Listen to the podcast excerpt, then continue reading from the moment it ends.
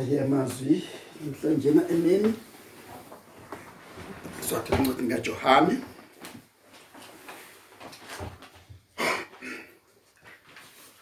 Isahluko 19 izwi nje elifishane. Evangeli kaJohane isahluko 19 verse 38 ya 42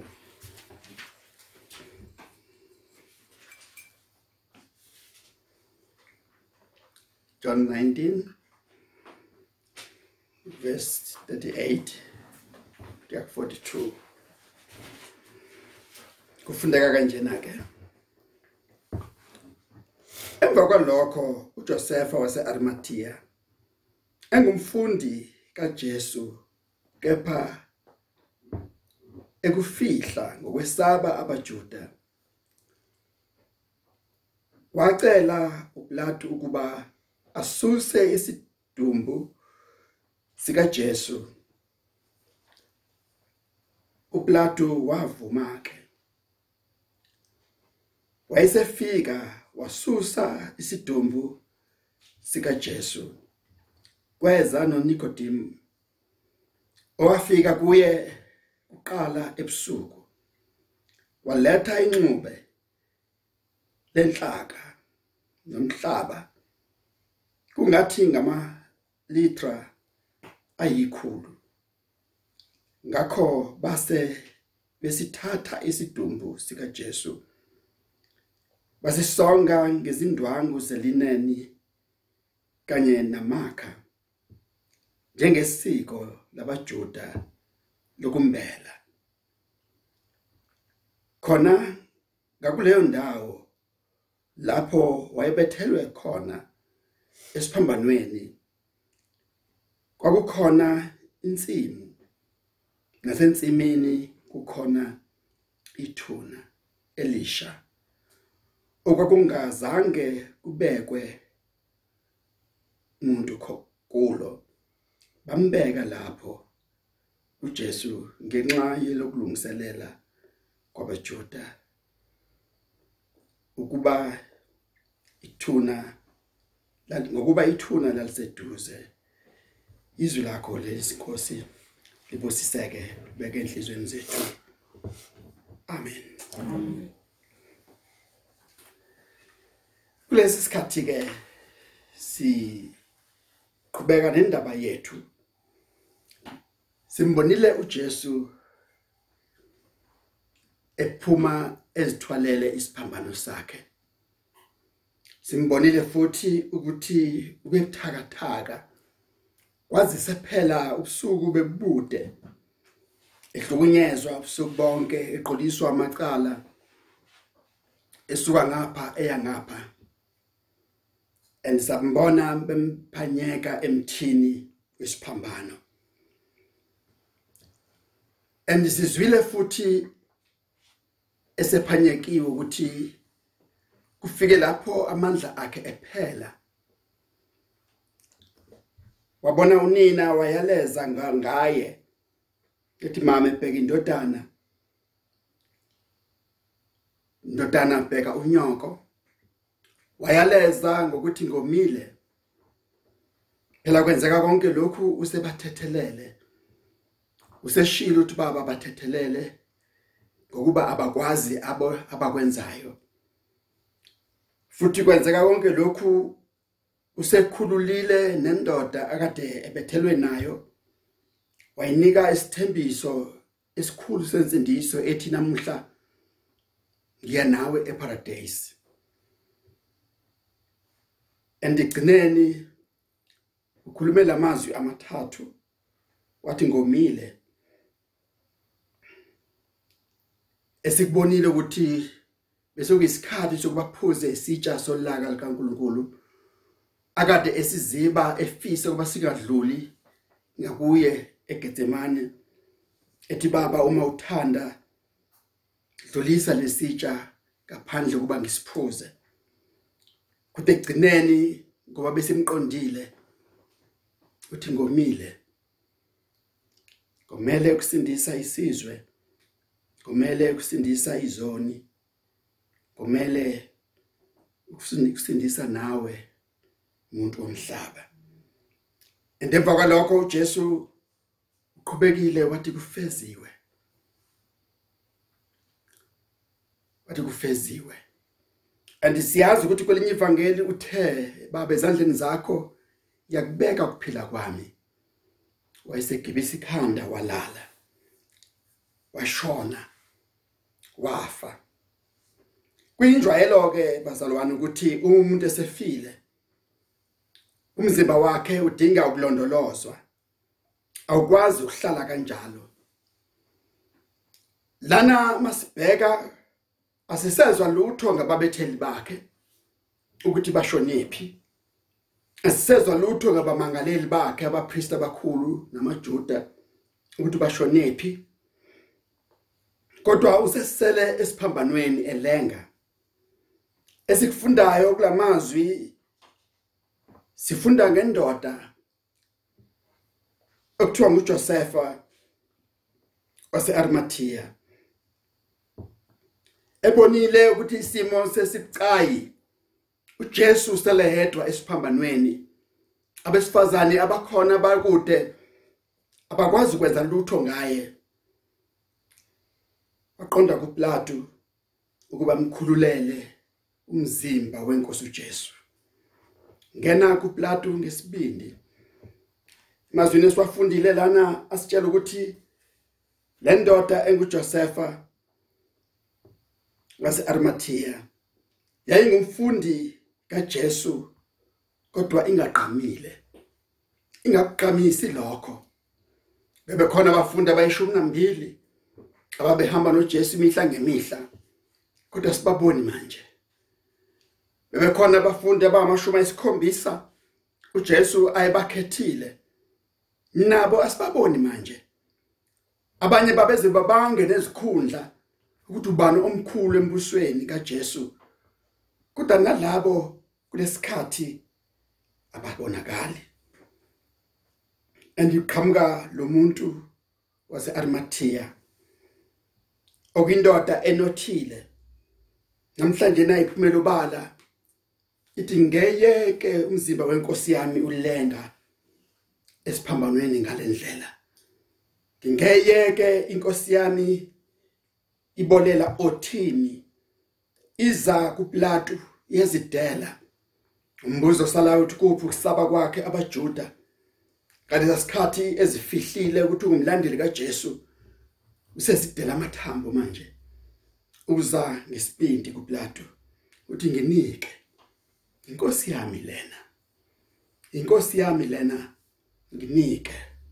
Kuyavuka mzalwane wami kimi ngalesikhathi ukuthi kukholwa ongakanani lokhu.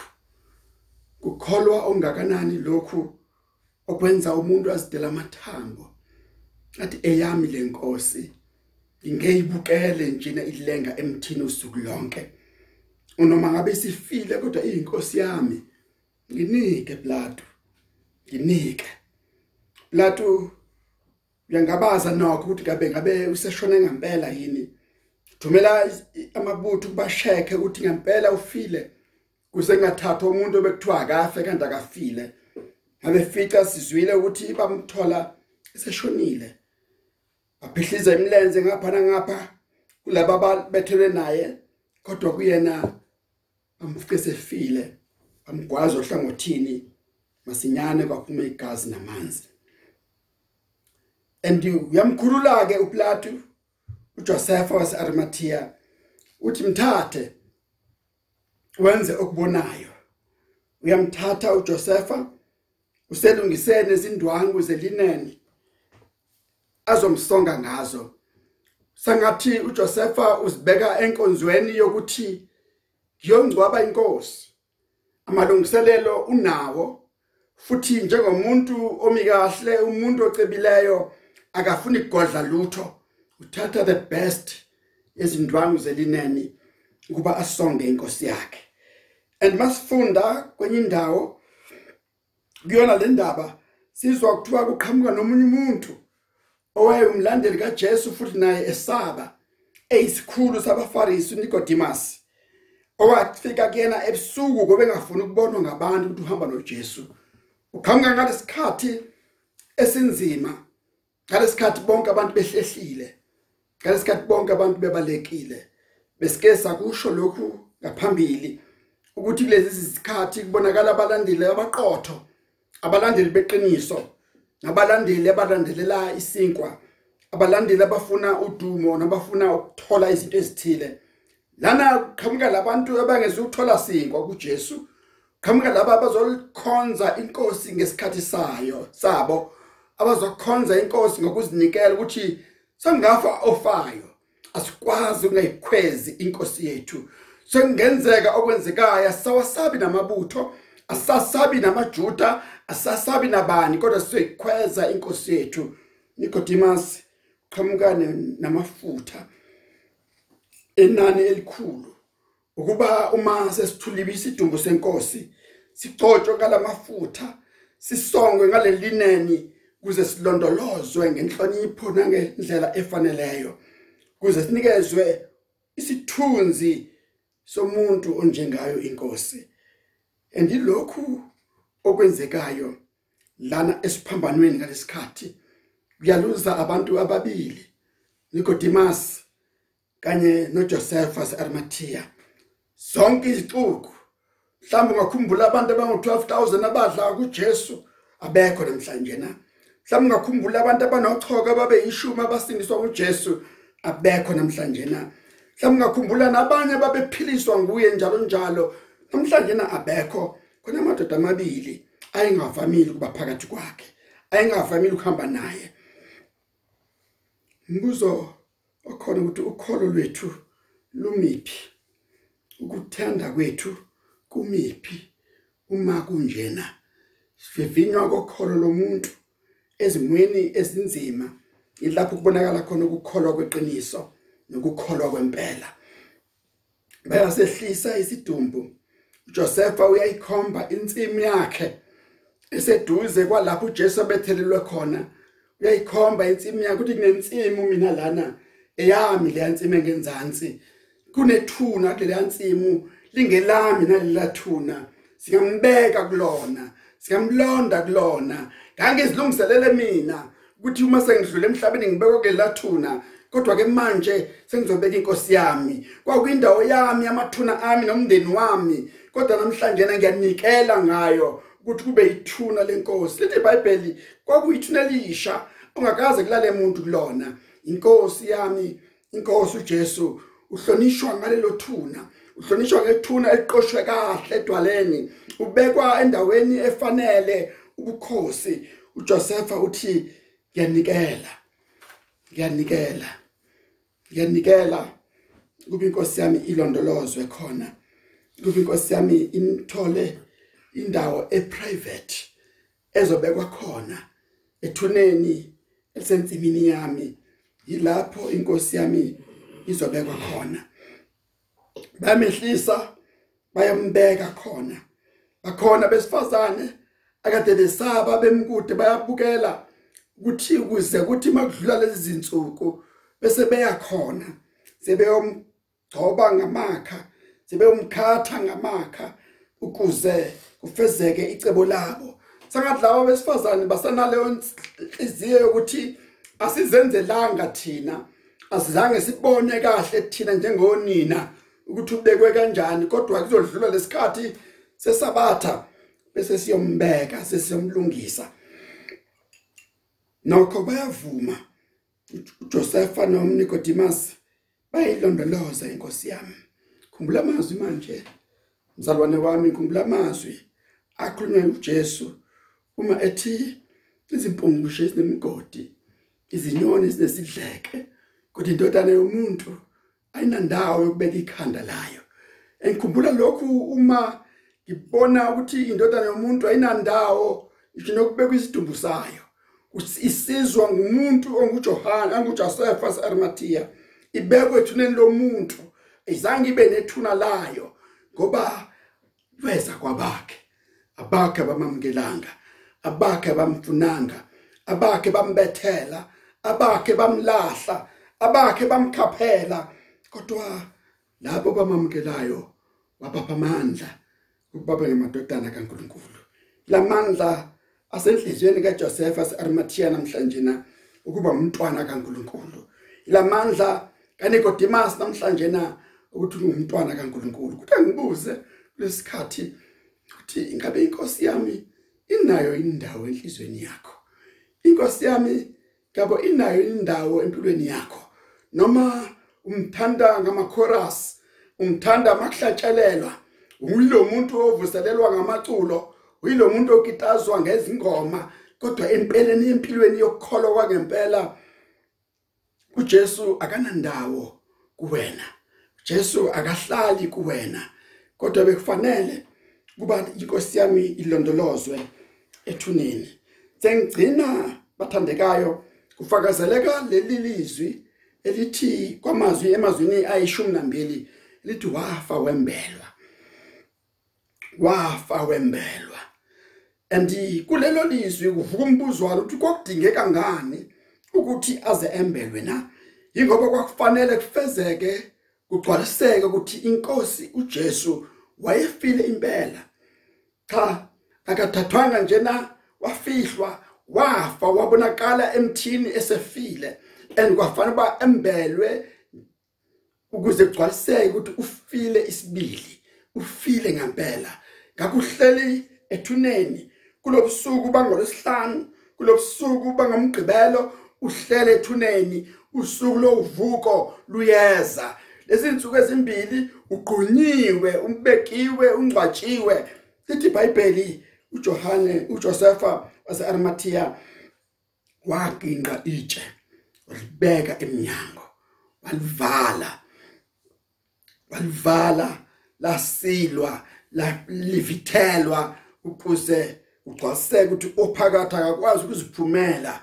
Ngakho uJesu usethuneni ulindele ukuvuka ulindele ukubonakala ephila. Sengathi ngosuku olulandelayo amakhosikazi azobonakala ehla yethuneni sengathi ngosuku olulandelayo amakholwa noma ngabahleli emakhaya noma ngabahleli kuphi noma ngabe basemaphasikeni ahlukeneyo noma ngabe bavalelekile ezindlini ngenxa yokungakwazi ukuhlangana ndawonye kodwa ngosuku olulandelayo bazokhumbula bahube bethi uyaphila uJesu manje wafakanye ngenxa yethu asemphileleke njalo ngoba uvukile uvukile uvukile uJesu. Kodwa kwanamhlanje na uhleli kulethuna ugcinwe kulethuna bekufaneleke ukuthi uvule inhliziyo yakho.